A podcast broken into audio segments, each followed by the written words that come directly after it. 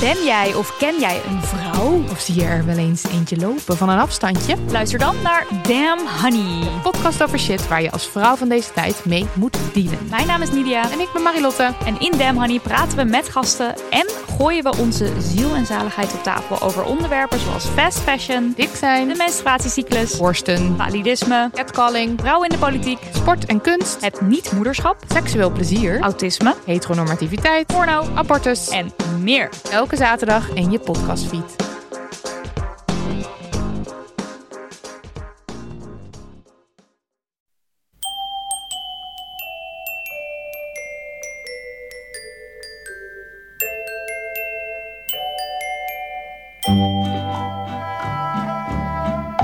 Welkom bij aflevering 444 van Echt Gebeurd, de podcast waarin mensen hun eigen waargebeurde verhalen vertellen.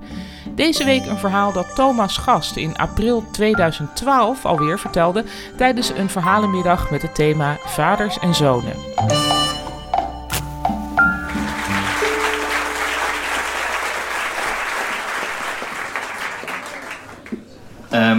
Dit verhaal gaat over hoe mijn vader mij een week lang heeft laten rondlopen met een gebroken been. Dit was in eh, 1990. Ik was toen eh, zes jaar oud. En eh, ik was met mijn ouders eh, op wintersport in Zwitserland. In een heel klein dorpje in, eh, in Zwitserland in de paasvakantie. Dat, eh, dat is een heel klein dorpje en niet een groot skigebied of zo. Eigenlijk heel, heel, ja, heel liefelijk, heel prima om daar met kinderen eh, te gaan skiën. En eh, mijn vader die eh, zou mij skiles geven. Ik moet er even bij vertellen, want ik probeer ook een beetje mijn vaders versie van dit verhaal eh, eh, aan jullie over te brengen.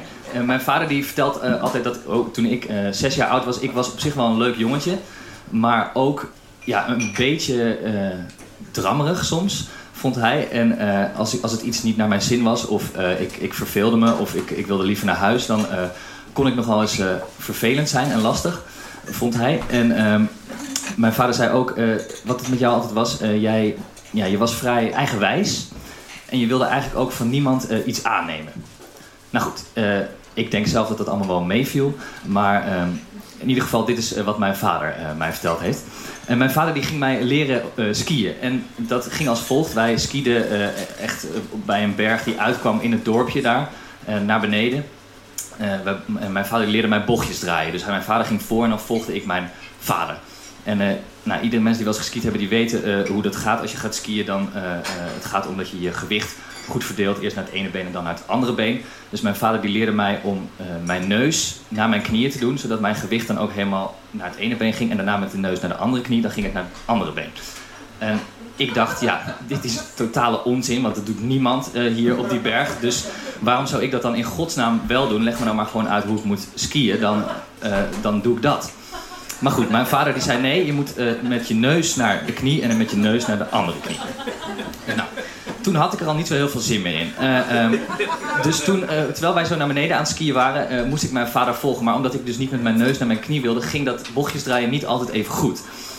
Dus op een gegeven moment, terwijl mijn vader een bochtje draaide, gleed ik door de piste af.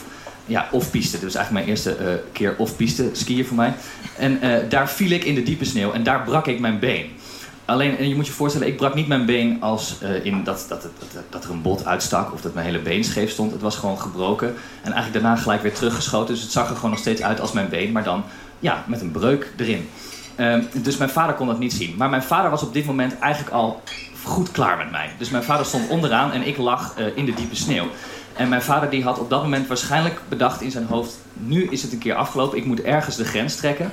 We houden nu op met dit gezeur en ik ga nu gewoon eh, mijn poot stijf houden... en die jongen even niet eh, helpen. Wat natuurlijk zou kunnen helpen, maar wat precies op het verkeerde moment eh, besloten was. Dus ik lag daar in de sneeuw en mijn vader zei tegen mij: Thomas, wat, wat is er? En ik zei: Ik kan niet opstaan. En toen zei mijn vader: Nou, je, je, je bent gewoon een grote jongen. Je kan gewoon opstaan. Als je valt, dan sta je weer op en dan ga je doorskiën. Ik zei: Nee, maar ik kan niet opstaan.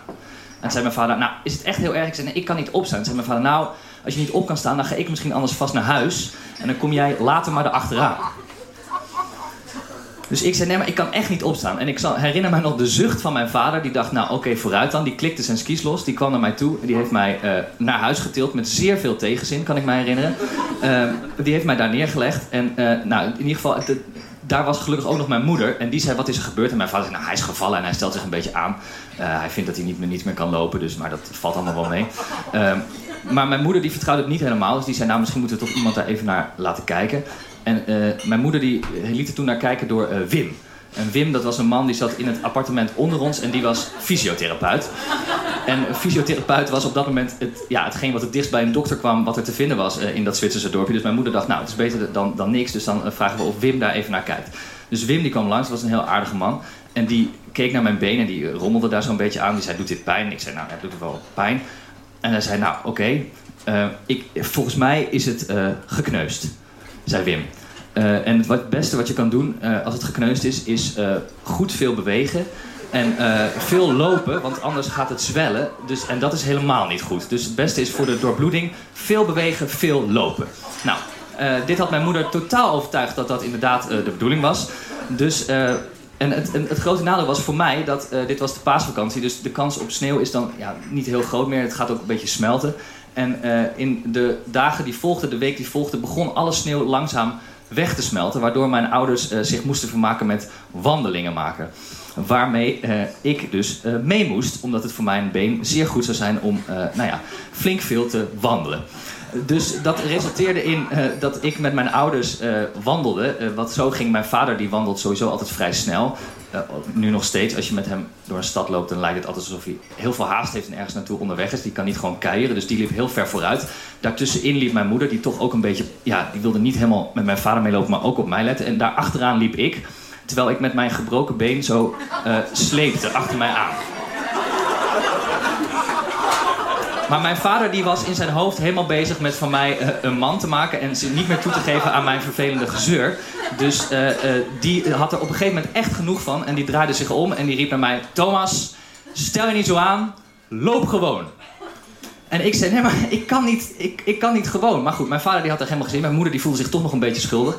En ik, ik, ik, vroeg laatst aan mijn moeder, ik vroeg, hoe, hoe kan dit dat jullie dit niet...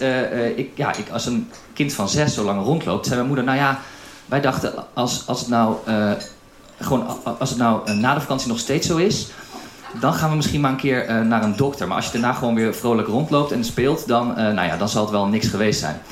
Dus ik kan me alleen maar voorstellen wat voor verschrikkelijk kind ik, ik geweest moet zijn. Dat mijn ouders echt dachten dat ik op mijn zesjarige leeftijd een gebroken been fakte.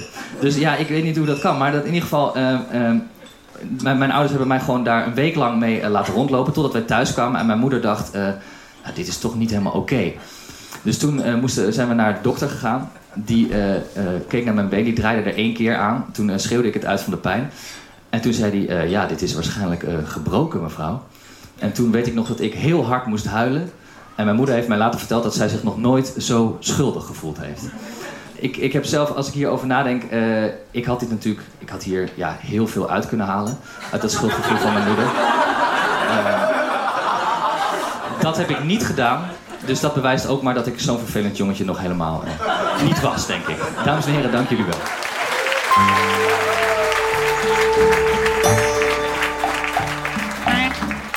Je hoorde een verhaal van Thomas Gast. Thomas schrijft voor tv-programma's als De Avondshow met Arjen Lubach en Het Sinterklaasjournaal. Uiteindelijk heeft hij nooit leren skiën, mailt hij ons, en hij voegt eraan toe: snowboarden wel trouwens. De redactie van Echt Gebeurd bestaat uit Miga Wertheim, Ariane Hins, Renette Kwakkenbos, Tom van Rooyen en mijzelf, Panien Cornelissen. Directie Hanna Ebbingen, zaaltechniek Nicolaas Vrijman, podcast Gijsbert van der Wal. Dit was aflevering 444. Bedankt voor het luisteren en denk eraan, hou je poot stijf, zeker als die gebroken is.